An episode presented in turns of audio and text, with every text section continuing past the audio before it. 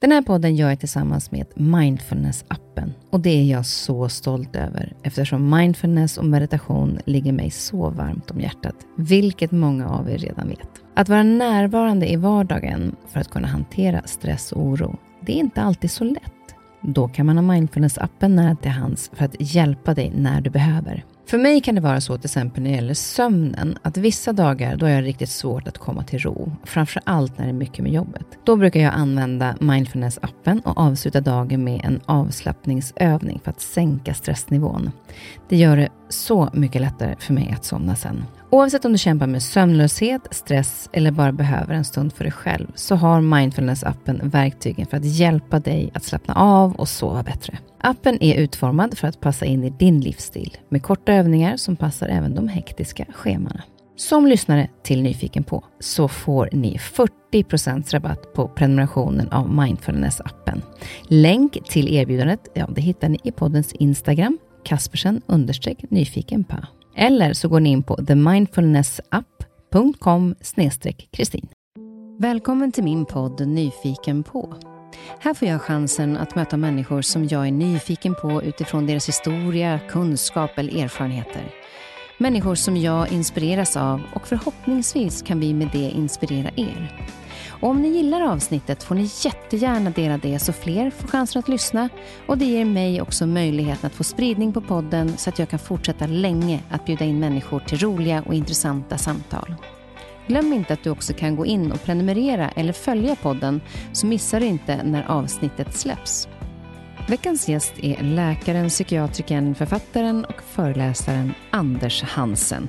Efter sina böcker som Hjärnstark, Hälsa på recept och Skärmhjärnan har han blivit enormt populär både med sina föreläsningar och även med tv-program som handlar om just hjärnan. Och för några månader sedan kom han ut med boken Depphjärnan. Varför mår vi så dåligt när vi har det så bra? Och jag tycker att hjärnan är så intressant. Alltså dels hur den fungerar, men också varför den fungerar på det sättet den gör. Och att lära sig mer och mer och vara nyfiken på hur vi fungerar tror jag är något som gör att vi kan hjälpa oss själva att må ännu bättre. Jag är så glad att Anders är här. Han får mig alltid att vilja lära mig ännu mer om mig själv och hur jag fysiskt fungerar och jag hoppas verkligen att det här samtalet också ska inspirera er. Jag kan sitta så här va? Ja, det kan du. Jag tycker, jag, annars pratar jag så högt. Om jag tänker att jag ska ja, det... höra till andra sidan bordet. Ja, exakt. Ja. Precis. Inte, man får, pratar inte för den som sitter här, man pratar för alla som lyssnar. det är sant. Så välkommen hit, Anders. Tack. Nu ska vi prata för de som sitter och lyssnar. Mm. Och eh, till varandra. Du, eh, bråda dagar? Lagom bråda dagar skulle jag säga. Jag har, det är bara min bild, men jag har en bild av när man lä också läser om dig, att du gör så många olika saker. Och Jag undrar liksom hur du hinner med. För du föreläser, du har skrivit massa böcker, du har gjort tv-program, du har patienter. Alltså Hur ser din kalender ut egentligen? Jag jobbar kliniskt eh, 20-30 procent nu. Och sen så är jag inblandad i två forskningsprojekt som jag inte driver själv och sen resten så föreläser jag och skriver jag. Så att det är inte så mycket jobb som det kanske ser ut, eh, men det, det, det, ser ut att vara mer när man gör olika saker. Det har varit ganska mycket PR också sista veckorna för jag, böckerna släpps i många länder och för varje land är det liksom intervjuer och sådär. Hur många länder är du uppe i nu? Ja, det, jag tror att det är 25 nu. Du skämtar? Ja, det ökar, det är nya hela tiden och framförallt så har det gått i Japan har det framförallt gått väldigt bra. Då blir det mycket intervjuer och sådär. Vilket, det är ju roligt naturligtvis, men då är man ju, pratar man ju om böcker som man skrev för fyra, fem år sedan. Men de, det är det också du gillar med dina böcker, för att de lever ju kvar. Alltså det, det är ju inte så att man måste göra en, alltid en ny upplaga av den, utan den information som står där stämmer ju fortfarande.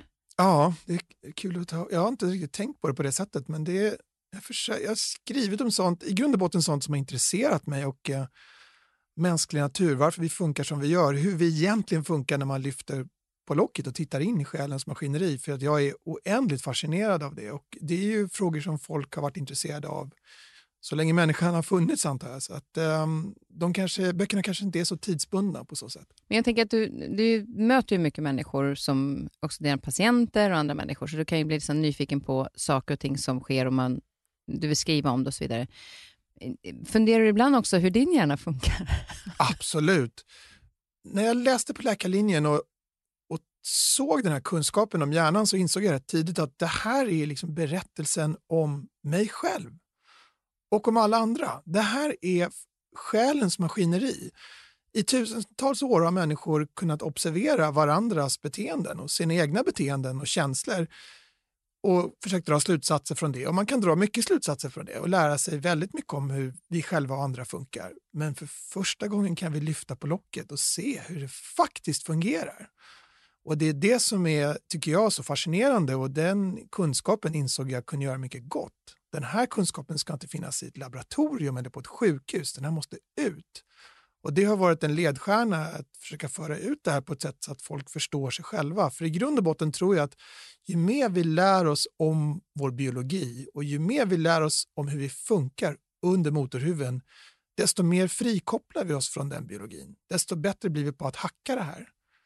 Men kan du då ibland, eh, när kanske, eh, du hamnar i ett eget tillstånd eller så, tänka så här, är, har det här med min hjärna, hur den funkar när jag var jägarsamlare, eller är det någonting som påverkar mig känslomässigt eller någonting annat? Kan du, liksom, för att försöka förstå varför vissa situationer uppstår i dig?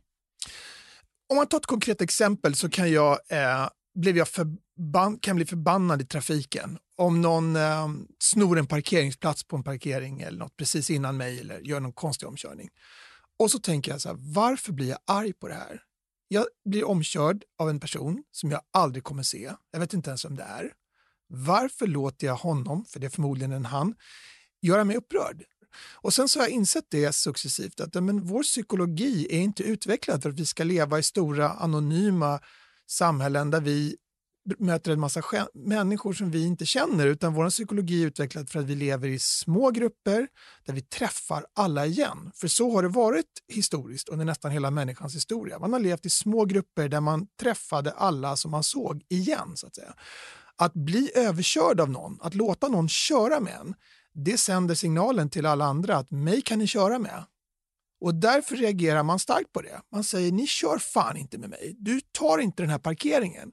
Så att det fyller en funktion i det perspektivet där vi utvecklar det och det fyller ingen funktion alls idag. Och det är det som är så intressant hur de här mekanismerna som våra psykologiska mekanismer som var perfekta för att leva i en värld i små grupper där vi levde under ständigt hot om svält, där vi dog av infektioner, djurattacker, olyckor. När de mekanismerna förs in i dagens samhälle som ser helt annorlunda ut, där det finns hur mycket kalorier som helst, där vi träffar hur mycket främlingar som helst, då är det inte så konstigt att de ibland inte funkar så bra. De passar inte in. Eh, när jag blir upprörd på en främling eller när jag vill sätta i mig allt godis som finns hemma eh, och så vidare, då, då tänker jag ibland på det här. Att det här är liksom, min hjärna gör precis det den ska. Den ska bli förbannad av vad jag upplever som överträdelser mot mig, även om det är helt irrelevant. Den ska vilja äta all mat. Den ska dessutom måla fan på väggen och se katastrofer överallt för att hälften av alla Homo sapiens dog innan tonåren. Det är det som är våra grundförutsättningar. Hälften av alla människor dog innan de blev 13. Och vi dog, människor dog inte av, av hjärtinfarkt och cancer som vi dör av idag, utan de har dött av infektioner, svält, blödningar och mord. Och vi är ättlingar till de som överlevde allt det här. Och därmed har vi en massa drifter som i grund och botten försöker försvara oss, rädda oss från sånt som har tagit koll på oss historiskt. För det är ju så, att allt det här kokar i grund och botten ner till att en del, en stor del av vår personlighet, kanske 50 procent, kommer från våra gener. Tar man vår benägenhet att få ångest så är den ungefär 50% genetisk. 50% av risken att drabbas av depressioner är också genetisk. Ungefär 50% av våra personlighetsdrag är satta när vi föds. Så att vår miljö påverkar naturligtvis, men det är också genetik. Och den genetiken har under tusentals, tiotusentals år slipats fram på ett sådant sätt att den ska hjälpa oss att överleva, klara livhanken, föra våra gener vidare i en värld som ser fundamentalt annorlunda ut än den värld som vi lever i. Och att liksom förstå det gör att man kan ta ett kliv tillbaka, man kan förstå varför andra reagerar som de gör i vissa lägen och man kan ibland ta, förstå varför man själv reagerar som man gör. Men det är otroligt svårt att ta det här helikopterperspektivet på sig själv. Och blir man upprörd så blir man upprörd. Det går liksom inte bara att tänka att ta det lugnt. Det är inte så enkelt. Hjärnan och naturen bygger effektivare mekanismer än att de bara kan fintas bort genom enkla floskler. Så jag blir fortfarande arg på parkeringen när... Men kan när, du gå över snabbare? Ja, Eftersom du är medveten absolut, om det? Absolut, ja. ja. Så det, det, det, kan det. Och, uh, det är det jag menar med att den här kunskapen gör att vi lite grann frikopplar oss från vår biologi. För det är det jag tycker är så intressant, att om vi bara lär oss lite mer om hur vi fungerar mm. så kan vi hjälpa oss själva att minska den stressen eller oron eller vad det nu är, äh, förbanna aggressionen som mm. kommer för ens egen skull. Jag menar den där personen som kör om dig vet ju inte att du blir förbannad, Nej, kanske, kanske kan ana, men det är ju bara du som påverkar dig själv. Och kan vi då hjälpa oss själva om vi bara förstår det? Att det här, som du säger, man har godis hemma, jag vet när man är lite trött på kvällen. Alltså då vill jag ju jättegärna gå fram till den där luckan, vi har ju en speciell, ett speciellt skåp där det finns godis hemma. Men jag vet ju att jag är trött nu, mm. jag behöver inte det där godiset. Nej. Är det verkligen så att jag är så sugen på det eller inte? Att jag stannar upp en sväng och tänker till lite? Sen kan det hända ja. att jag går och tar ändå. Men, men ja. att just det här att man ändå medvetandegör sådana saker. Jag kan tycka att det är spännande. Absolut. Men om, man, om vi tar till exempel då godissug eh, som är ett kärt ämne. Så, ja. svält har utgjort det kanske enskilt största hotet mot våra liv, eller ett av de största i alla fall. Och människan har hela tiden levt på svältens brant under hot om att gå under i svält. Vad fick det för följd? Jo, det fick till följd att de som hade ett sug att äta allt de kom över, framförallt sånt som innehöll mycket kalorier, de överlevde. De hade bättre odds att klara livhanken. Och vi är ättlingar till de överlevarna. Det är därför vi är gottegrisar. Vi vill stoppa i oss all mat som vi kommer över därför att det har räddat livhanken. Idag finns det mycket kalorier som helst och går jag in på ICA vid godishyllan, då är, finns det kaloribomber som inte motsvarar någonting i naturen. Det, vi, det som historiskt har varit den mest kaloririka maten, som söta frukter och honung och sånt, det betraktar vi som nyttigt idag. Det som, det finns, det som Marabou serverar, det är fullständiga atombomber ur kalorisynpunkt. Mm. Och när vi smakar sånt, då ska vi vilja sätta i oss det. Huvudet ska bokstavligt talat reagera som att du har sprungit på savannens fetaste fruktträd. Ät upp allt! Och därför så, så är det väldigt svårt att ta rationella beslut kring det. Mm. Så för mig personligen, så jag kan inte ha godis hemma. Jag får ingen sinnesfrid förrän det är uppätet. Så därför så kan jag inte köpa hem det. Och det har jag efter alldeles för många år lärt mig att jag tar inte ett rationellt beslut kring det här. När jag ser det här godiset då kommer det frisättas en massa dopamin som säger ät upp det där. Och då kopplar faktiskt pannloberna, alltså den, den delen av hjärnan bakom pannan, den blir mindre aktiv. Den impulsbromsen försvinner lite grann. Vi ska inte hålla på och bromsa den impulsen vi ska äta godiset, vi ska agera och det är klart att man kan gå emot sin sin, eh, sin instinkt. Det, vi är inte slavar under det, men det är svårt. Och Det är därför jag tror att vi behöver ha ett avstånd till till exempel godis. Vi behöver också ta avstånd till kanske våra digitala verktyg ibland. Våra mobiler är också enormt eh, utvecklade för att vara eh, enormt tilldragande för vår uppmärksamhet. Det har gått in otroligt mycket sofistikering i det. Och då blir lösningen att man ska nog inte ha dem med överallt. Man kanske inte ska ha dem i klassrummet eller i sovrummet eller vid middagsbordet för att man kommer att vilja titta på det och då är det bättre att lägga det i ett annat rum. Mm. Så jag tror att och då, menar, då minskar? Ja, då minskar ju eh, suget att titta efter den. Och, ah, så att det hjälper ju till på det. För jag vet en kompis till mig som eh, för flera år sedan så skulle eh, hon sluta röka och eh, Då tyckte hon att det var lättare att ha cigaretter hemma, för då fick hon inte panik och gick till typ dygnet runt 7-Eleven och köpte i alla fall. Utan så här, jag kan ta den idag, men nej det ska jag inte göra. Jag kan röka imorgon, men inte idag. Ja. Men, men det kanske inte jag, jag stämmer. Tror att de flesta, ja, jag tror att de flesta som slutar röka inte ska ha så, någonting hemma. Nej, ska nog inte ha något hemma. Nej. Så gäller det med alkohol, med och, och, och man har problem med det. Att man tar inte rationella beslut om det. Och det, det här har ju kloka personer vittnat om i tusentals år. Mm. Det är väl beskrivet i Odysseen om inte jag minns fel hur Odysseus och hans mannar binder fast sig själva vid masten när de här sirenerna, de här attraktiva kvinnorna, de åker förbi dem som drar ner dem i djupet för att de vet att de kan inte motstå lockelsen. Så då så ser de till att inte utsätta sig för den, att hindra sig själva att utsätta sig mm. för den. Så jag tror att folk har förstått det här i tusentals år och sen så nu så beskriver vi det i termer av hur hjärnan funkar när vi förstår hur den funkar. Men i grund och botten så är det ju mångtusen år i klokskap. Liksom. Så undvik att ha saker hemma som ni inte vill eh, gotta ner er i? Ja, och jag säger inte att man ska leva någon fanatisk livsstil, det är det sista. Men, man, men att... Um, men det att, där onödiga som vi faktiskt inte behöver. Ja. Alltså just när man är trött, gå, varför går jag inte och lägger mig istället? Klockan är ändå halv tio. Ja. Då kan jag ju lika gärna gå och lägga mig istället för att gå och ta en godisbit och bli lite piggare. Precis, men... Eh, jag tycker men, det kanske låter lätt. Men det ja, det låter lätt därför att eh, det viktigaste jag fick, aldrig fick lära mig på läkarlinjen det var att kroppen är inte utvecklad för hälsa, den är utvecklad för överlevnad och reproduktion. Hjärnan är inte utvecklad för välbefinnande, den är utvecklad för överlevnad och reproduktion. Och det som har tagit koll på oss, till exempel svält, det är, har skapat enorma starka drifter i oss som vi inte bara kan sopa bort enkelt. Och Det är det som gör att vi överäter. Och det är det som också gör att vi fattar en del kanske vad vi uppfattar som märkliga beslut. Hjärnan är full av en massa buggar som i ett historiskt eller evolutionärt perspektiv oftast är smarta funktioner. Jag menar, varför går vi runt och ser världen som farlig kan man ju Eh, fråga sig. Varför har människor ångest? Varför äter en dryg miljon svenskar antidepressiva läkemedel när vi har det så bra som vi har det? Vi har aldrig haft det så bra som vi har idag. Vi har aldrig levt så länge som nu och vi har aldrig varit så fredliga och friska som nu. Ändå mår folk dåligt. Och eh, Den frågan har jag tänkt på hela mitt vuxna liv och så har jag insett successivt att man kan inte se det här utifrån den värld vi befinner oss i utan man måste utgå från den värld som vi har varit i. Och Den har skapat vissa drifter och vissa drag i oss som vi bär med oss. Och tar man då, när man folk säger att de mår dåligt så menar de nästan alltid att de har ångest. Och vad är ångest? Ja, ångest, det bästa sättet att beskriva det är att det är stress i förväg. Om din chef skäller på dig, då är det stress. Ett hot här och nu. Om du tänker, tänk om chefen skäller på mig. Eller förra veckan skällde chefen på mig. Då är det ångest. Samma system aktiveras i oss, alltså stresssystemet, men vid stress vid ett akut hot och vid ångest av något som skulle kunna vara ett hot. Så ångest är kort och gott stress i förväg och då är det så att hjärnan älskar att måla fan på väggen och tala om att saker är farliga.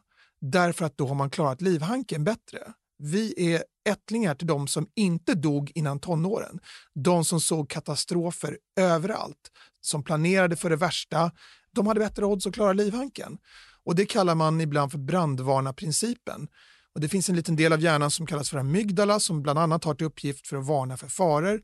Och Den är utvecklad efter något man kallar brandvarnarprincipen. Och Det betyder att om brandvarnaren piper för att eh, man har bränt rostbröd så är det okej okay om den gör någon gång, för den får inte missa att pipa när det väl brinner.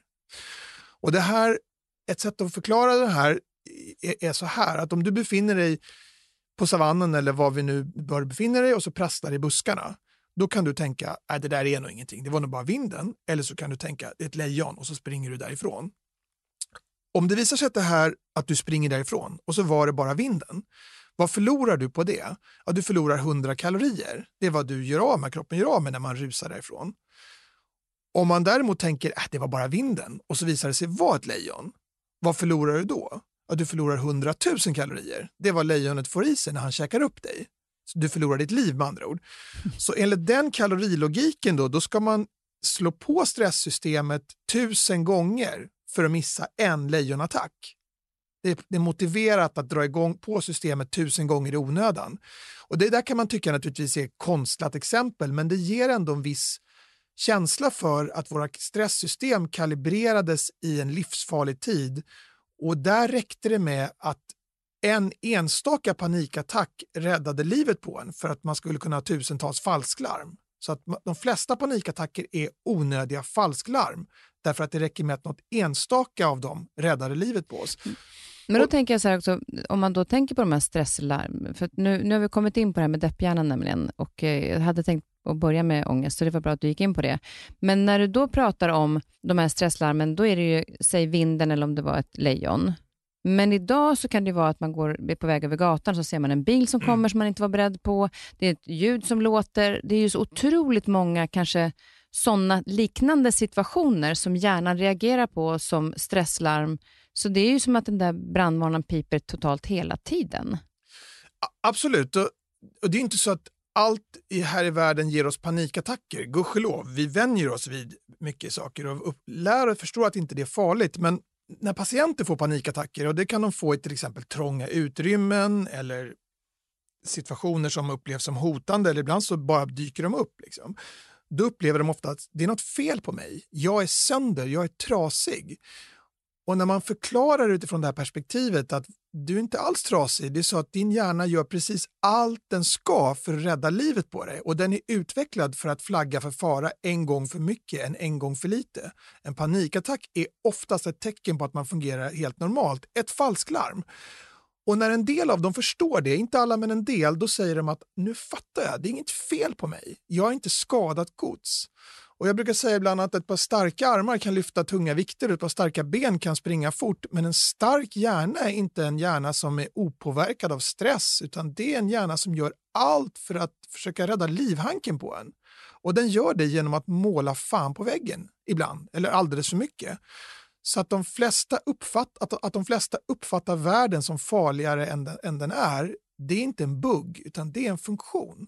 Men vad gör man då i sådana situationer? Om man tänker att man, man får en panikångestattack, till exempel om man är i en hiss eller det trånga utrymmet till exempel. Vad kan man göra då för att hantera den själv?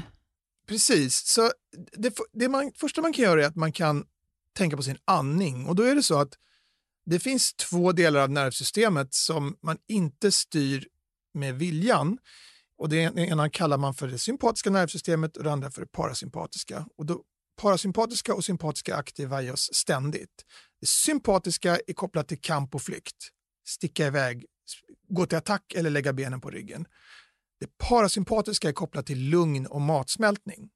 Och Det pågår hela tiden en balans mellan de här systemen. Om jag håller en presentation på jobbet och blir stressad, då är det fördel för det parasympatiska.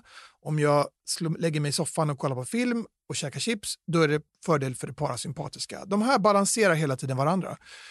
Det har visat sig att vår andning påverkar det här. Vid inandning så drar man faktiskt på det sympatiska parasystemet lite. Så inandning är kopplat till kamp och flykt. Och hjärtat slår faktiskt lite snabbare under inandning. Den ökar hjärtfrekvensen något.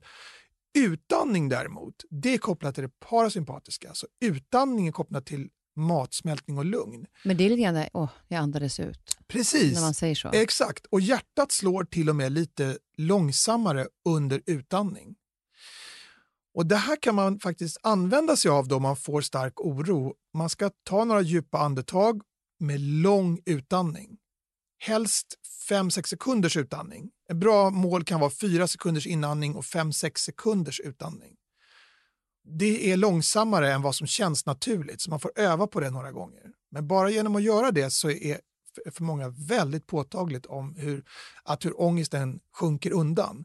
Ett annat sätt som också visat sig vara effektivt är att sätta ord på det man känner.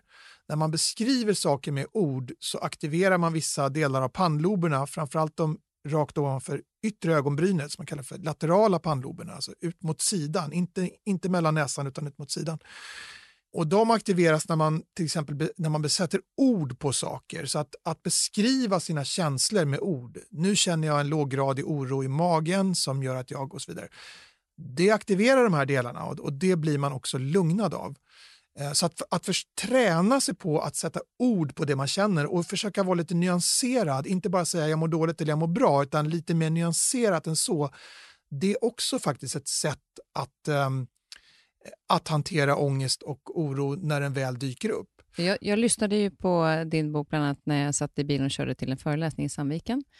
Och Det var den första föreläsningen på jättelänge som jag hade eh, inför publik.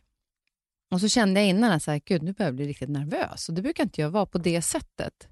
Och då hade du, jag hade precis lyssnat på det här att jag skulle andas in fyra och andas ut sex. Ja. Så då testade jag det, en, typ fem minuter innan. Och Det var rätt coolt faktiskt hur det tog ner min, mina hjärtslag. Mm. Och sen det här du säger med att man, eh, där du pratade med om hur man kan hantera ångest på annat sätt genom att sätta ord på det. Det har jag, kan jag ändå uppleva kan vara ganska svårt, för att är det så att man kanske har eh, haft någonting tufft i barndomen som gör att man hamnar, jag tycker inte om att vara i stora miljöer, till exempel bland människor, ja, inte jag, men det finns de som, som ty inte tycker om det, eller sitta på en middag med massor med människor, för att det kanske är någonting som är bakåt i tiden många lägger ju locket på för det som har varit och hellre undviker de här situationerna. hur ska man få de personerna att våga prata om det? För det är kanske är någonting som också är jobbigt att hantera. Men det är viktigt att prata om det. Bra fråga. Jag, jag tror att om man förstår att hjärnan är utvecklad för att måla fan på väggen och se världen som farligare än den är, då blir det ett sätt att ta ett helikopterperspektiv på sig själv.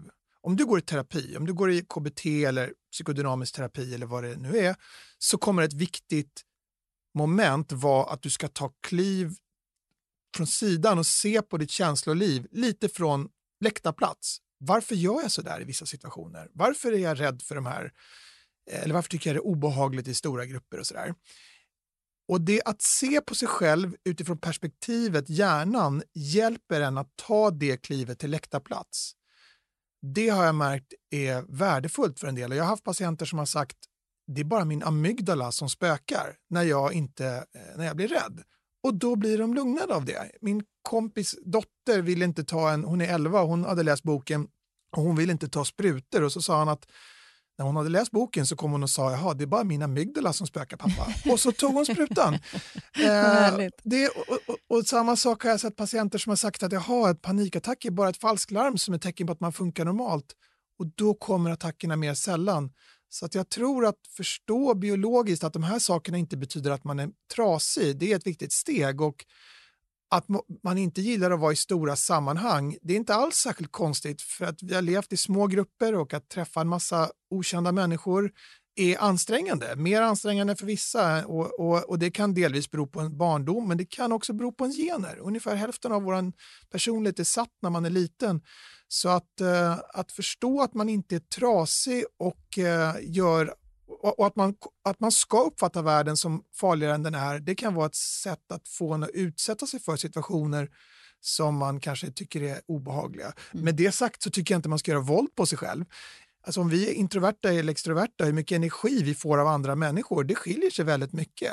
Och eh, vissa tycker det är toppen mest. Jag har kompisar som inte klarar av att vara själva mer än några timmar. De blir helt vansinniga. Och själv så kan jag gå isolerad flera dagar utan att träffa någon. Och jag tycker det är toppen och vi är olika. och eh, Man får bara acceptera sig själv utifrån vad man är. Och vissa saker måste man göra i livet. Man måste ta hand om sina barn om man har det eller man måste ta hand om sina anhöriga. Men det är väldigt mycket som inte är som måste. Jag tycker kanske att man inte ska tvingas in i någon mall på att man ska vara den som är, tycker om stora sällskap. Tycker man inte om det så tycker jag inte man ska göra våld på sig själv ärligt talat. Men det kan ju vara så att det varit en an, en, någonting som har hänt som har gjort att det blir obehagligt nästa gång, fast det kanske var en engångsföreteelse, men det betyder inte att det kommer att vara likadant varje gång. Så hur, för det är det jag menar med att där tänka till att vad är det som gör att jag känner så här? Men om man tar det du beskriver, så om vi säger att man har varit med om något traumatiskt, till exempel när man är liten, man har blivit utsatts för något eller bevittnat våld i hemmet eller något annat, då skapar det väldigt starka minnen i oss. Och det är inte så konstigt. De sakerna som vi är med om som är hemska, de ska vi komma ihåg. Hjärnan är inte utvecklad för att må bra, den är utvecklad för att överleva och att minnas traumatiska saker är otroligt viktigt för då kan man förhoppningsvis undvika det igen. Men då är det också så att minnen är egentligen inte Minnens funktion är inte att komma ihåg vad som har hänt, minnens funktion är att hjälpa oss här och nu. Minnen finns inte för att vi ska minnas vår barndom eller ha en historia att kunna berätta i en terapisoffa, utan de finns för att guida våra beteenden här och nu. Och det man har kunnat se är att minnen uppdateras hela tiden. Om du tänker på din första skoldag så kommer faktiskt minnet av din första skoldag att förändras lite grann. Bara för att du tänker på det. Vi upplever minnen som Youtube-klipp, som något vi kan plocka fram, titta på och stoppa tillbaka. Men i grund och botten är de mer som Wikipedia-sidor som uppdateras av oss när vi plockar fram dem. Och Vi kan ta ett exempel. Om, om jag går i skogen och så kommer en björn så kommer jag undan och då kommer jag skapa ett väldigt starkt minne av den där händelsen. Och Varje gång jag kommer tillbaka till platsen så kommer det väckas och så, därför att jag ska vara rädd. Och Det kanske till och med så att det, minnet väcks bara av att jag ser träd eller går i en annan skog eller något sånt där. Det är inte så konstigt. Om, jag kommer till, om det är så att jag kommer tillbaka till platsen många gånger och det inte kommer någon varg eller björn, då börjar det ursprungliga minnet att förändras. Det blir mindre hotande och mer neutralt. Och Det finns en logik i det och, det och det är att om du har kommit till samma plats i skogen hundra gånger och det bara kommit en björn en gång så är det ju en ganska bra chans att det inte kommer någon den hundra första gången heller. Så hjärnan uppdaterar minnen för att vara en så korrekt bild som möjligt att jämföra det vi är med om nu. Så att säga. Så att, alltså jag ska inte försöka undvika skogen, utan jag kanske ska gå dit igen? Exakt. Så att, i och med att då minnen som sagt finns för att guida våra beteenden här och nu och de är inte korrekta återgivningar av vad som hände utan de ska ge en så bra bild av för att jag ska kunna fatta beslut här och nu. Då är det så, och, och, och om, om man då utgår från att de hela tiden förändras, vilket vi vet att de gör utifrån neuroforskning, då kan man använda sig av det vid posttraumatisk stress. Eh, man kan plocka fram minnen, man ska göra det i ett sammanhang där man känner sig väldigt säker. I en terapisoffa eller med några nära vänner. Om de är jättetraumatiska kan man skriva ner det till och med. För när man plockar fram minnet i ett säkert sammanhang så kommer det sakta börja omformas. Från att vara extremt hotande till att vara lite mindre hotande. Till slut kanske till och med mer neutralt. Och det är det som är grunden i behandling i posttraumatisk stress. Så att det går att använda sig av det. Och, men om man inte gör det, om man stoppar minnen bara i byrålådan och, och aldrig plockar fram dem, det är oftast en dålig idé för att då blir de satta i sten. Då kommer de aldrig att förändras. Så precis som du säger, om man går tillbaka till platsen Kanske med någon som jag är trygg med och som Exakt, jag kanske går dit och precis. pratar och vi skrattar lite grann. Ja. Man har liksom en annan, ett annat tillstånd när man går dit. Exakt. Så kommer jag tycka att det blir en vänlig plats till slut. Exakt. För det fyller i grund och botten samma funktion som att komma tillbaka till skogen utan att träffa en björn.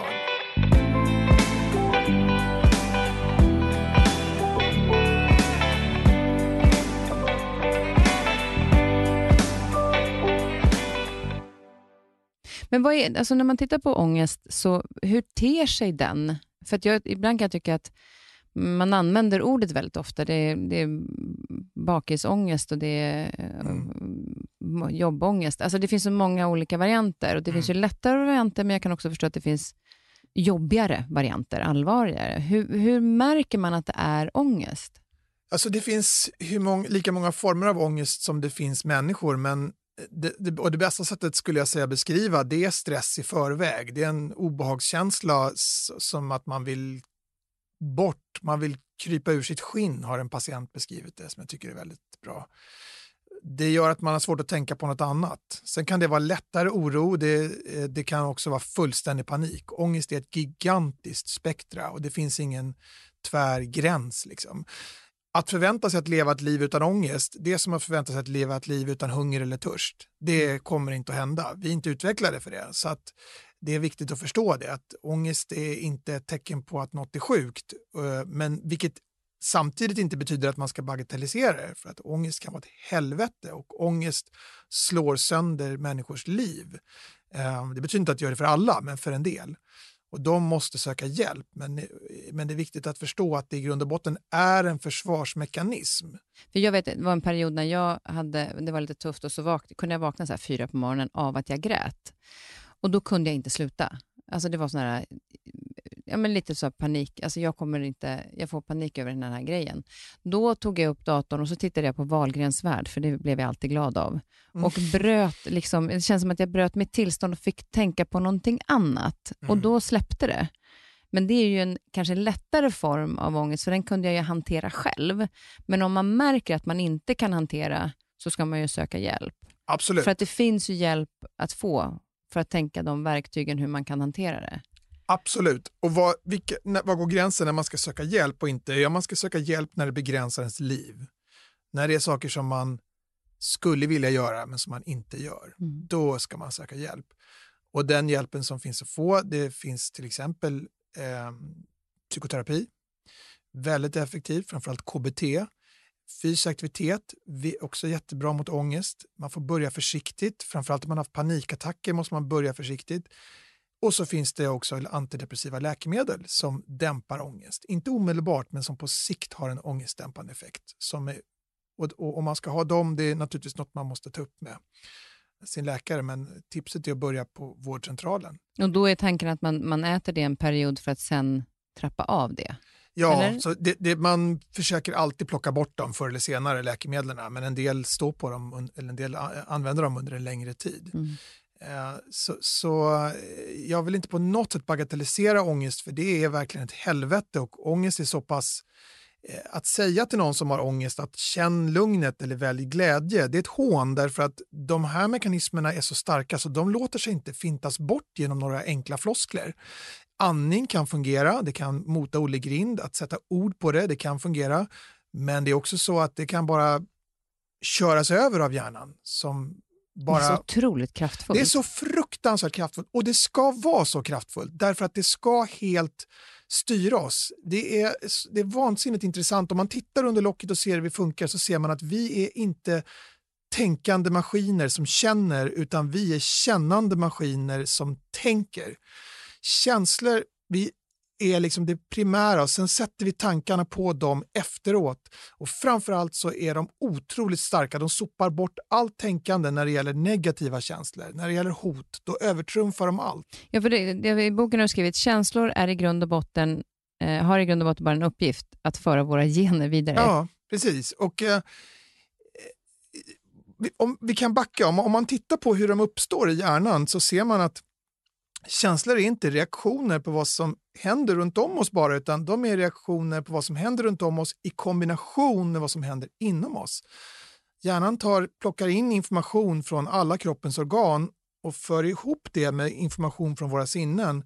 Och utifrån det så skapar den i varje ögonblick av våra liv känslotillstånd som finns för att putta våra beteenden åt håll som har hjälpt oss överleva.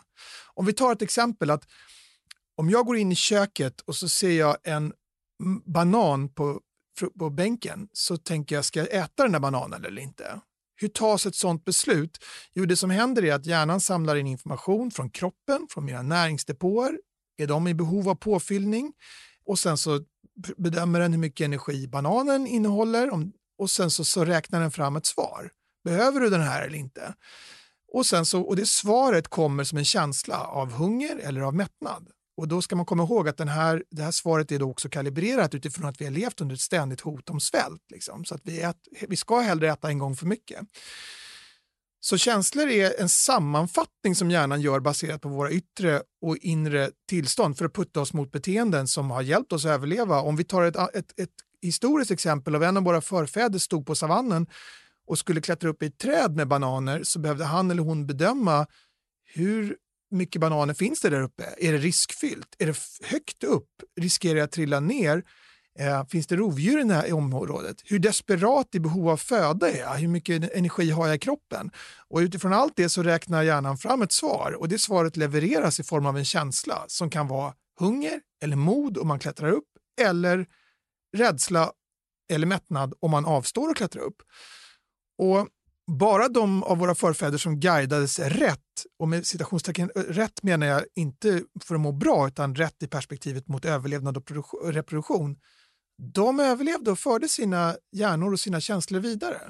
Så känslor är i grund och botten röster från tusentals generationer människor som har levt innan oss som, eh, som viskar eller som berättar för oss vad vi ska göra så att vi ska överleva och eh, föra våra gener vidare i, i, i en värld som vi inte längre befinner oss i. Det är därför när vi står vid godishyllan så, så gör hjärnan överslagsberäkningen det här är ofattbart mycket kalorier. Det här, du har sprungit på savannens fetaste fruktträd. Ät upp allt så att, du inte klarar, så att du inte dör av svält. Det är den beräkningen som görs inom oss och vad är det vi upplever? Vi upplever ett enormt kalorisug och så köper vi hem det där. Och så ligger det i köket i skåpet och så sätter vi oss det. Fast, fast vi egentligen inte behöver. Fast vi egentligen ja. inte behöver. Och när det här då kalorisuget förs in i en värld som har ut, där det finns mycket kalorier som helst, ja då är det inte konstigt att människor får typ 2-diabetes och blir överviktiga. Mm. Vi ska inte kunna hantera det kort och gott. Så jag tror att, att förstå liksom vår biologi, och det är att, det är att för, kunna frikoppla sig från den, att kunna hacka sig själv lite grann. Mm.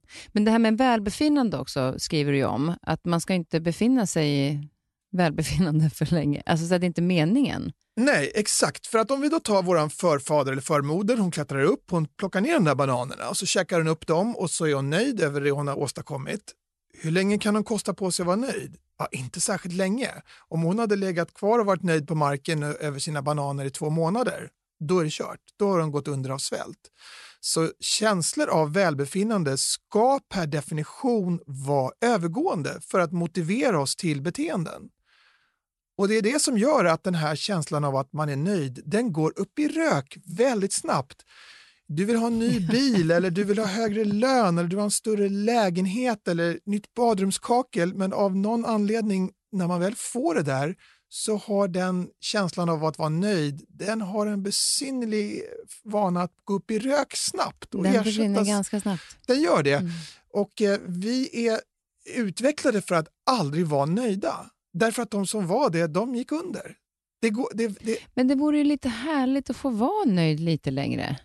Absolut. Så jag, det här är inte svart eller vitt. Jag, Nej, men jag menar det att hur kan man liksom kan man hjälpa sig själv att faktiskt stanna i det? Jag vet ibland när man gjort ett jobb och så bara, men det gick skitbra. Och sen, ja, fast jag, sen går man på nästa direkt.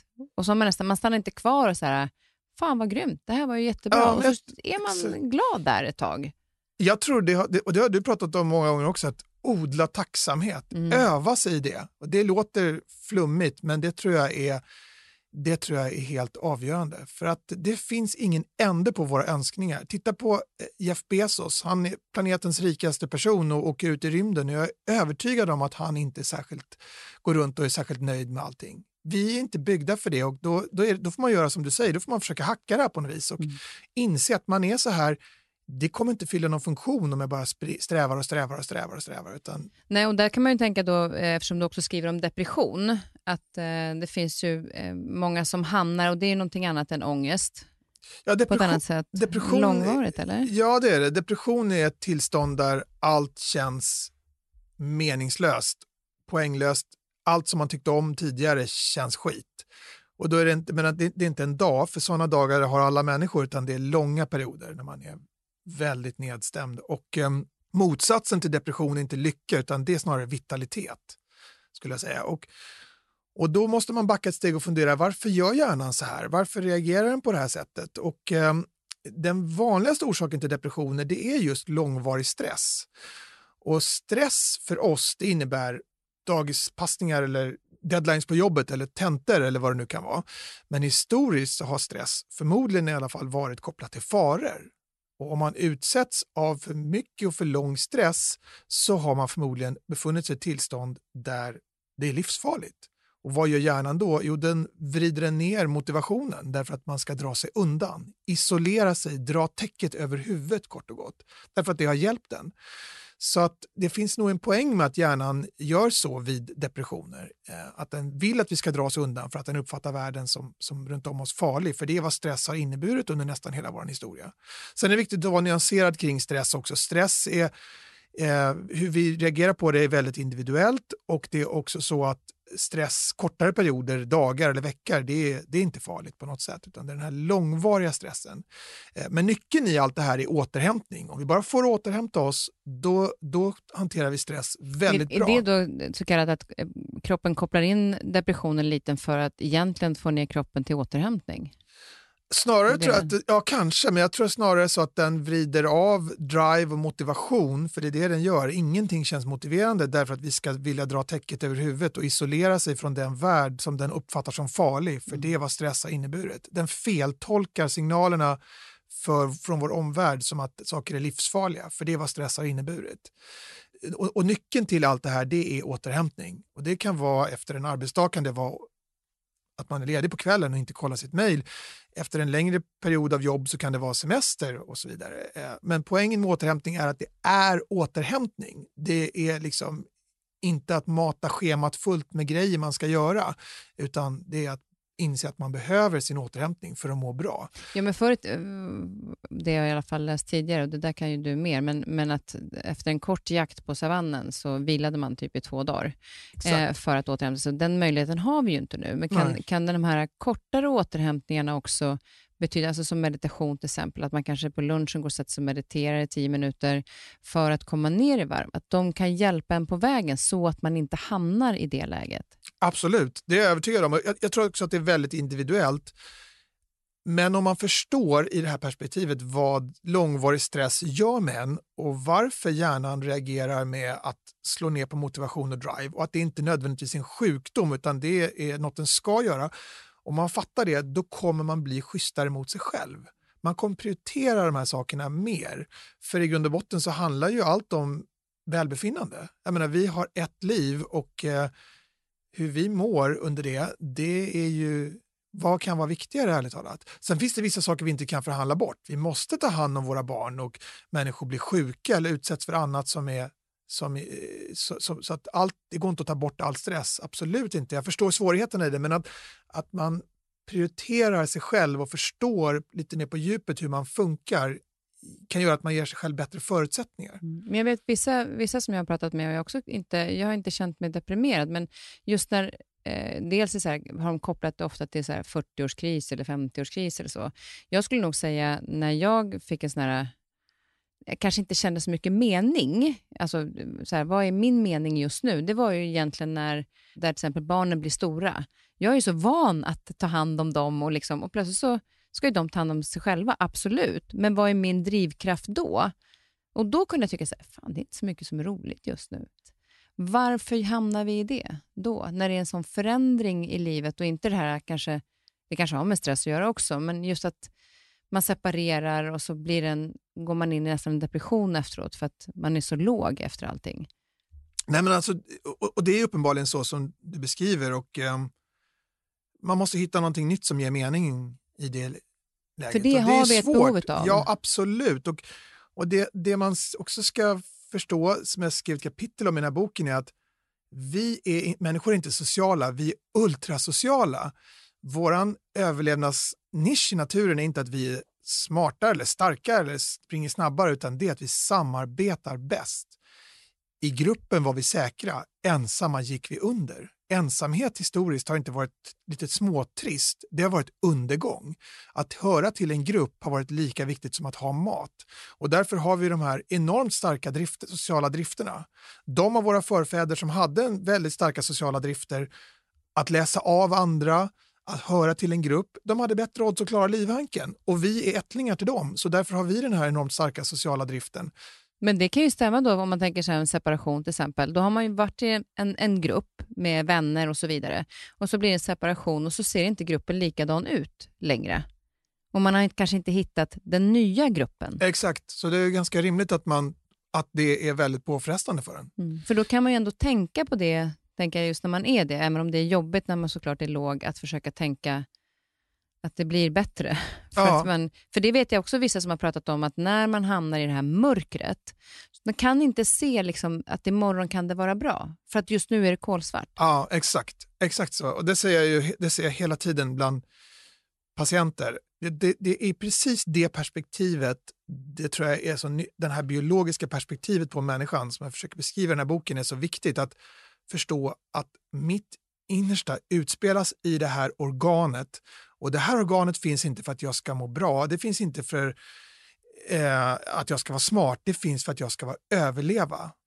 Och det kommer bli bra, det kommer bli det. Det har varit det tidigare, det här kommer släppa. Det känns inte så nu, därför att det ska inte kännas så nu, därför att hjärnan är så förbannat kraftfull. Det, och, men det kommer gå över. Och just att, att se sig själv utifrån det perspektivet ta det här klivet, till, att man gör att man kan ta det här klivet till läktarplats, se sig själv lite från sidan. Man kan liksom använda sig av hjärnan för att ta ett från sidan-perspektiv på sig själv. Och inse att ja, men jag har mått skit tidigare, det blev bra, det kommer bli det igen. Det här beror inte på att jag är trasig, det beror på att jag ska funka så här. Mm. Förstår du vad jag menar? Ja, precis. För, och det är det som, men det är det jag, jag hade en, en uh, god vän som jag pratade med och då försökte jag så här för hon hade ett sånt här riktigt mörker och då sa jag, men om du tänker det som en lägenhet, hur många rum är tända? För jag tänkte så här, att det var kroppen. Finns det någonstans du kan känna att du ser ett ljus någonstans? Hon bara, nej, det är kolsvart i hela lägenheten. Men kan du se att det utanför lägenheten finns någonting som är ljus? Nej. Alltså det var ingenting som, som fanns något ljus. Och då sa jag, har du upplevt den här situationen tidigare? Och då är det som du säger, då hade hon ju sagt, ja men det, jag har ju varit här förr. Och då började hon hitta tillbaka. Men annars var det ju bara becksvart. Och där någonstans är det så att de känner jag behöver, alltså, behöver ju hjälp, men att då ta steget och be om hjälp, det är inte heller lätt i det läget. Eller vad, vad ska man göra när man hamnar i de här djupa depressionerna? Man ska söka hjälp och man ska inse att det här inte är karaktärsbrister och att man inte... Eh, det, det, handlar inte om att ta sig samman eller något sånt. Man, man säger inte till en diabetiker, ta samman ditt blodsocker. Ryck upp ditt blodsocker, det säger man inte. Man ber honom eller henne gå till doktorn och, och få medicin eller insulin. Och, och så är det med de här tillstånden också. Hjärnan är ett organ och det fungerar på det här sättet. Och Det som vi betraktar som sjukdomar är ofta försvarsmekanismer men de skapar ett enormt lidande och de går att fixa. Mm. Så det är, det, det, det enda råd jag kan ge är att sök hjälp. Liksom. Och det tycker jag också det är så fint idag, att för det, ibland kan det vara svårt att ta, ta sig ut ur lägenheten och gå till en läkare, men att det också finns möjlighet att ringa, att det finns så jourer och sånt, att du fortfarande kan vara kvar hemma om det är ett problem för ibland kan det vara så att när man har tagit sig upp ur sängen, bra, du är ett steg Visst, närmare. Absolut. Så att det också finns sådana såna möjligheter i sån situation, så man är aldrig ensam, apropå att vara ensam, för då kan man ju verkligen känna ensamhet, mm. eh, fast man kanske egentligen inte är det. Man kanske har ett jättenätverk, men du känner dig ensam. För det är också lite skillnad, att, apropå det här med att vi vill vara i en social alltså vi vill ha det, det sociala runt omkring oss, att vissa är ensamma, men kanske inte känner sig ensamma på samma sätt. Och Vissa kan känna en enorm ensamhet, kanske i relation, men de är inte ensamma. Eh, precis, och eh, ensamhet är inte samma sak som att vara själv. Um, vissa känner en enormt stark närhet till andra även om de träffar folk ganska sällan och andra kan känna sig som världens mest ensamma person på ett cocktailparty. Liksom. Så, och varför blir det så? Att man ja, känner sig ensam när man har människor omkring sig? Jag tror att det, det, det, det, signalerar, det ensamhet signalerar till oss i grund och botten om någon annan finns där och något skulle hända en själv. Det, det är det som jag tror skapar den här positiva effekten av andra personer. Upplevelsen att det finns någon som har min rygg om något händer. Liksom. Och om man har många ytliga bekanta så kanske man inte upplever det på det sättet. Så Men då är vi tillbaka till den här trygga gruppen eller han som körde om med bilen. Alltså, ja, lite, lite grann den, om du kommer i ett sammanhang där du inte känner så många och där kan man känna sig ensam. Ja, precis. Men om, om någon undrar, om någon, alltså om någon är rädd för att vara själv en längre period av i perspektivet ensamhet, så det ska man inte vara. Utan en, känner du dig ensam så är du ensam. Om du inte känner dig så är du inte det. Det är så enkelt. Liksom. Och, eh, det som är intressant med ensamhet är att det har visat sig vara kopplat till till exempel då, eh, eh, sämre prognos i alla former av hjärt-kärlsjukdom. Till exempel. Så ensamhet är inte bara tråkigt utan det innebär också risker för kroppen faktiskt. Och Det är lite märkligt men varför ska hjärtat riskera att ta stryk av att man är själv? Och Förklaringen tros vara den att om jag är isolerad då befinner jag mig i ett tillstånd som historiskt har inneburit undergång. Jag har ingen som kan hjälpa en. Och då står en stresssystem på. Då uppfattar man världen som ännu farligare. Man sover ytligare när man är ensam, eller om man upplever sig som ensam och isolerad. Det är jättekonstigt. Man har ingen som ligger i sängen och vrider sig och stör en sömn. Varför sover man ytligare? Och förklaringen tros vara den att man måste sova ytligare för att man har ingen som kan varna en. Mm, du, du, måste själv vakna om Precis, du måste ja. vakna om något händer. Och, och, man, och det har också visat sig att man uppfattar andra människor som mindre hjälpsamma och mer tävlingsinriktade om man är ensam. Man uppfattar dem som mindre hjälpsamma. Neutrala ansikten uppfattas som lätt hotande. Lätt hotande ansikten uppfattas som rejält hotfulla om man är ensam. Och Det tros också vara det att man börjar se världen som farligare än den är. Man ser andra som mindre hjälpsamma än de är. Och Det är jätteviktigt att känna till det, därför att om man är ensam så kommer man uppfatta världen som farligare och då kan det vara kanske värt att tänka den där interaktionen på jobbet eller i affären som jag uppfattade som negativ, var det verkligen det? Eller kan det vara så att jag fokuserar på det negativa? Där, inte för att jag är sjuk, utan för att jag ska göra det när jag är mycket ensam. Och Att lära människor om hur man reagerar på ensamhet har faktiskt visat sig vara minst lika effektivt som social färdighetsträning för att kunna bryta ensamhet. Det finns former av terapi där man får lära sig systematiskt varför man reagerar som man gör på ensamhet. Och eh, Det här är minst lika viktigt när det gäller att hjälpa andra att komma ut ur det. Om någon är mycket ensam så inte det, och den personen är taggig mot den så behöver inte det betyda att han eller hon tycker illa om men det kanske är ett tecken på ensamhet kort och gott. Så eh, vi, vi och, och, och, Allt det här med ensamhet kan låta väldigt deppigt, det är det såklart, men det är också eh, visat sig att man med ganska små medel faktiskt kan hjälpa människor ur sin ensamhet. Det gjordes en studie häromåret där man lät personer i sena tonåren, tidiga 20-årsåldern, ringa upp till ensamma personer. Och de ringde tre gånger i veckan tio minuter, en kvart varje gång och pratade bara om ditten och datten. De här uppringarna fick veta att prata om något du tycker är... Som, låt den du pratar med bestämma ämne och vara intresserad av det som sägs. Och så pågick de här samtalen och det visade sig efter ett par veckor att de som blev uppringda kände sig mindre ensamma och isolerade. Bara något så enkelt som telefonsamtal. Det är inte så mycket som ska till. Det är inte så mycket som ska till. För det tänker jag just med pandemin, för där är det väldigt, har det varit en väldigt stor isolering där vi har blivit, vi jobbar hemma ensamma utan sina kollegor, vi har varit isolerade, eh, några med familjer och några helt ensamma. Hur, hur tror du att det har påverkat oss har du sett det, liksom, tänker på patienter och så, hur det har liksom påverkat oss generellt, den här pandemitiden, just när det gäller ensamhet? Ja, min uppfattning, min erfarenhet kliniskt är att en del tog rejält stryk av det. Sen sökte färre hjälp, i alla fall under den första fasen av epidemi, av pandemin, därför att det tror jag berodde på att de var rädda för att gå till sjukhus. Så hur vi påverkas långsiktigt av det här, jag vågar inte säga det, men, men eh, det är så uppenbart att vi är ett flockdjur och förstår man hur kraftfull ensamhet är och ska vara som vad gäller att påverka vårt, vårt mående, om man förstår det så kommer man tror jag, börja kanske prioritera lite annorlunda. Eh, man kanske ringer ett extra samtal till mormor eller besöker pappa eller vad det nu kan vara en gång extra därför att när man förstår vad det sänder för signal. Det den, det den signalerar innerst inne till den personen är att det finns någon hos dig. Det finns någon som har din rygg om något händer. Det är den algoritmen som hjärnan beräknar deep down mm. och som den sen bubblar upp som en känsla av att ah, det känns bra just nu. Men det är, liksom, det är den signalen som sänds. Men ensamhet är något vi bör väga in ur ett folkhälsoperspektiv på samma sätt som att vi väger in fysisk aktivitet eller får folk att sluta röka eller dricka mindre alkohol så bör vi väga in ensamhet för det är så pass viktigt. Mm. Och där tänker jag, nu kommer in på fysisk aktivitet också, för den pratar du väldigt mycket om och har gjort alltid hur viktig den är. Eh, vad betyder den här fysiska aktiviteten för till exempel depression och eh, ångest? Ja, fysisk aktivitet eh, minska, ger ett extra lager av mentalt underhudsfett som skyddar mot depressioner och ångest. Och det är visat numera i gigantiska undersökningar, inte bara enstaka undersökningar utan mängder av undersökningar att fysisk aktivitet förebygger ångest och depressioner. Och det, det, och det, det är också ett sätt att behandla dem när det väl uppstår. Vid djupa depressioner då är fysisk aktivitet helt orealistiskt. Om någon är djupt deprimerad då kommer man inte upp i sängen, då går det inte att gå ut och springa. Men vid lättare depressionstillstånd, och det är det vanligaste, så, så är det en behandling som jäm, har jämförbar effekt med antidepressiv medicin. Och Det jag tror händer när vi, i, i och med att det då skyddar mot depressioner, är att när vi rör på oss allt mindre, för det gör vi tyvärr, framförallt rör tonåringar på sig allt mindre, då förlorar man det här skyddande lagret. Man blir därmed mer sårbar för för depressioner och ångest.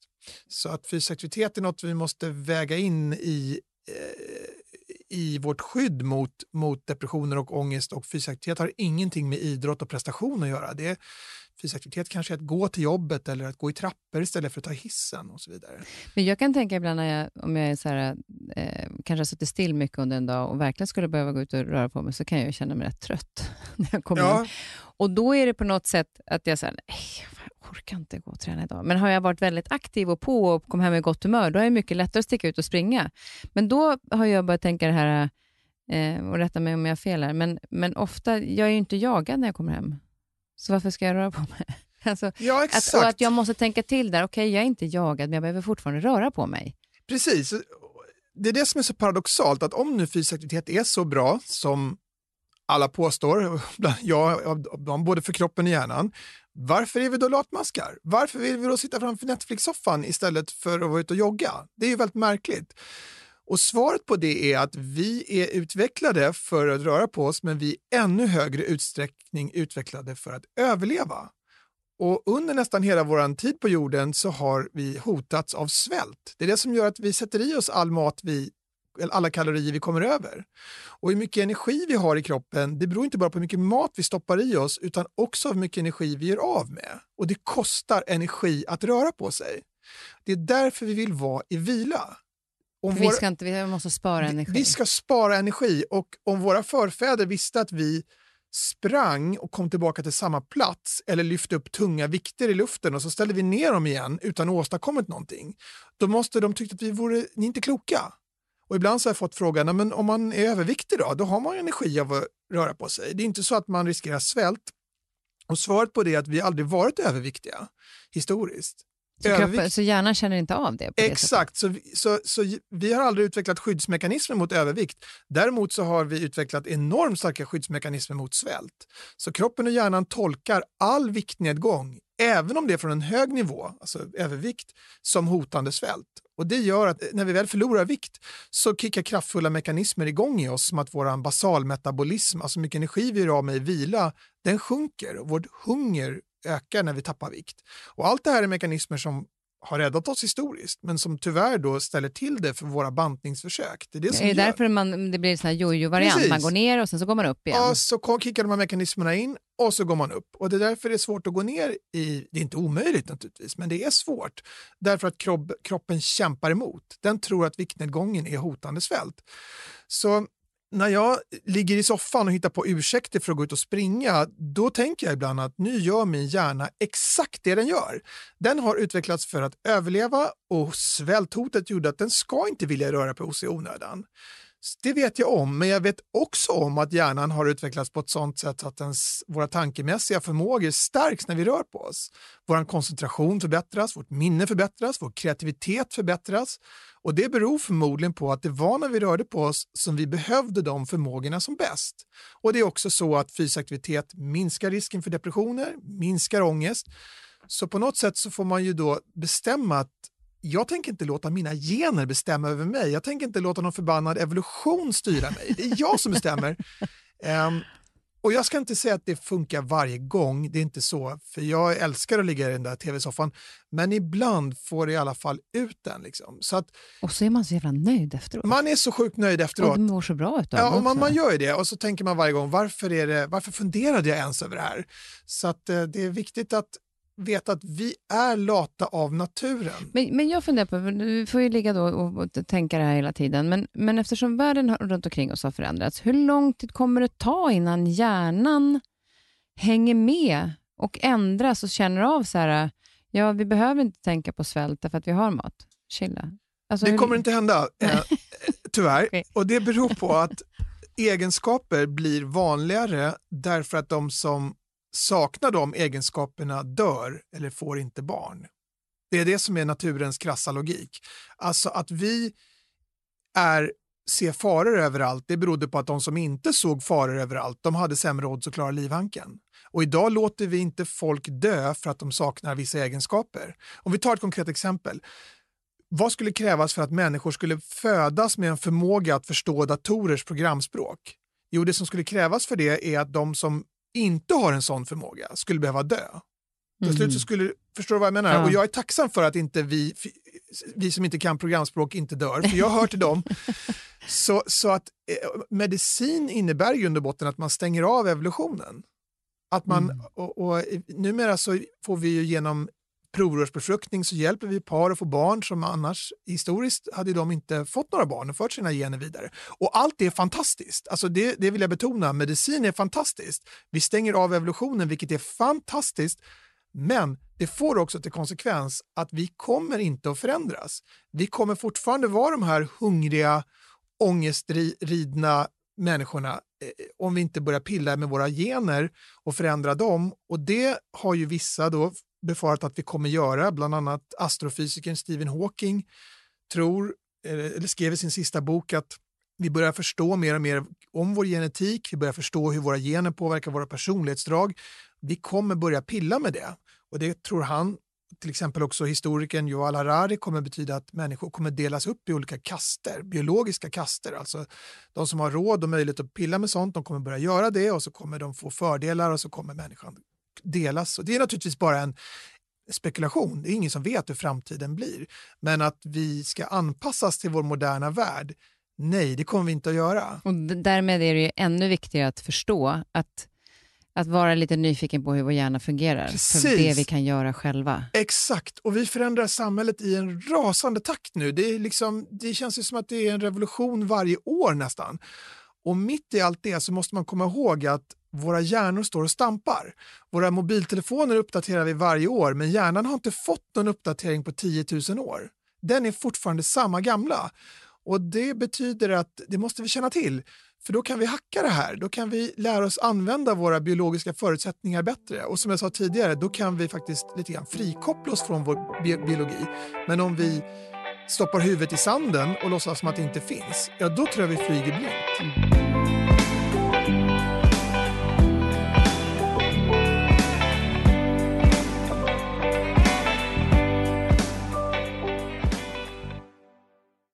Men hur skulle du då summera det som faktiskt är titeln på boken? Varför mår vi så dåligt när vi har det så bra?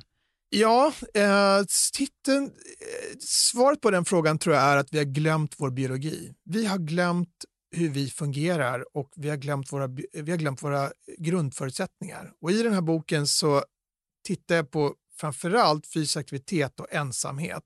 Det beror inte på att det är det enda som spelar roll, men det är två väldigt lågt hängande stora frukter. Om vi fokuserade mer på det, då skulle många må mycket bättre. Sen finns det andra förklaringsmodeller som är jätteviktiga som, ensa, eller som eh, arbetslöshet och ojämlikhet och inkomstfördelning och sånt. Och Det är ett separat kapitel. Den här boken fokuserar på biologi och hjärnan och den, jag ville börja från absoluta grunden i den här och titta på vad är känslor, hur uppstår de? Hur, hur funkar det här när man lyfter på locket? Och när man tar det perspektivet på och sen går in på ångest och depressioner, då förstår man att just ensamhet och, och fysisk aktivitet är två väldigt viktiga faktorer som man kan göra något åt ganska enkelt och som skulle ha väldigt stor påverkan på mångas känsloliv. Tror jag. Mm. Jag tycker verkligen att ni ska läsa den här boken. Jag eh, älskar dina böcker och eh, allt det du delar med dig av, för det gör ju, ger ju oss en större möjlighet till att faktiskt att lära oss att hantera de här situationerna som vi inte mår bra i och få förståelse för det. Så Depphjärnan ska ni absolut läsa. Eh, den ute nu. Du kommer ut med en till bok i mellandagarna, tror jag. Eller det har då, när vi sänder det här, så har det kommit ut en, en barnbok som du skriver med någon. Ja, exakt. Den är... Jag ehm, skrev en bok som heter Järnstark Junior tillsammans med en barnboksförfattare och nu har vi gjort uppföljningen till den som heter Skärmhjärnan Junior. Så den bygger på Skärmhjärnan men den är riktad till barn och eh, tonåringar, 9 till 13. Och den det ska bli spännande om de vill läsa den där. Jag har försökt få min son att se den här filmen eh, Social Dilemma. Ja, precis. Han vill inte ens se den.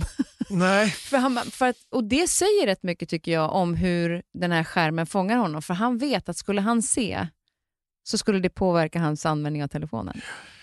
Ja, alltså i den här, absolut. Men, men hur är den här uppbyggd då? För ja, det är otroligt viktigt för våra barn att förstå. Den är helt uppbyggd utifrån empowerment. Använd det här på ett smart sätt. Det handlar inte om pekpinnar, utan det handlar om att liksom det är du som ska bestämma eh, över din skärm och inte tvärtom. Och eh, vi har försökt göra det på ett lite annorlunda, väldigt lekfullt sätt och illustrationerna i den här är helt underbara. Det är som om illustratören eh, Lisa Zackrisson har gått på syra höll jag på att säga för att hon har flippat ut på ett underbart sätt. De är helt fantastiska.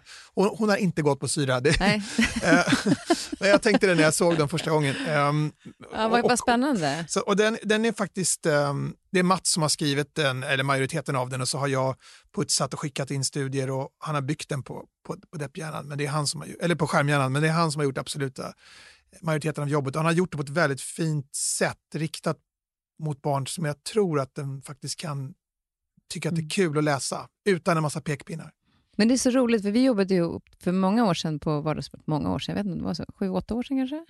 Ja, exakt. 8, 15 kan det vara. Ja, exakt. 2015, ja. Eh, och, det, och sen dess har det ju liksom, har ju, när man har följt det, och så är det så himla roligt när man möter så många människor som bara älskar det du förmedlar och vad det har betytt för dem. Så du är viktig vill jag bara säga. Tack. Det du, Tack. Det du sänder ut är viktigt för väldigt, väldigt många. Och eh, vetskapen om hur vi fungerar så vi kan hantera oss själva på ett bättre sätt. Du, vi ska avrunda här, men jag tänkte, vad är du nyfiken på, förutom hjärnan och fysisk rörelse och ensamhet och allt det där? Finns det något annat du har som intresse? Abs ja, jag spelar mycket, jag är väldigt intresserad av musik. Spelar mycket gitarr. Um, du spelar med gitarr ja, bara, också? Bara för, ja, det har jag gjort sedan jag var 12-13 år. Eh, så det är en stor hobby. Jag läser väldigt mycket, jag är väldigt historia. sportar ganska mycket. Du har mycket, mycket sån återhämtnings... Det känns som att så här, gitarren, kan det vara lite så här återhämtning? Ja, absolut. Ja. Jag är slaviskt noga med min återhämtning därför att jag vet hur viktigt det är. Och, och det har jag verkligen successivt insett att man har bara ett liv. Ens välbefinnande är viktigare än allt annat. Liksom. Och eh, ja, Att lära sig själv hur, om hur man fungerar och förstå att det inte handlar om att prestera utan det handlar om att må bra eh, då börjar man förändra saker. Och det, är där, det är den kunskapen som har tagit så lång tid att, att sjunka in i mig i alla fall. Det är den jag har velat förmedla i de här böckerna. Mm, återhämtningen eh, tänkte jag precis nu på när jag hade sovit fem timmar i natt. Men annars brukar jag faktiskt vara rätt bra på att sova framför allt. För det är väl en, den som också är viktigaste. Den Jätteviktigt, där, eh, den viktigaste återhämtningen. Absolut. Tack snälla Anders för att du kom hit. Vi ska avsluta med en låt. Och du som gillar musik, vem, vilken har du valt nu? Patti Smith och People Have The Power. Och varför valde du just den? Därför att det är vi som bestämmer. Det är det allt det här handlar om. Det är vi som bestämmer. Det är vi som vi kan styra vår biologi om vi har lärt, om vi lär oss av den mer. Vi ska inte vara slavar under någonting utan det är vi som ska ta kontrollen.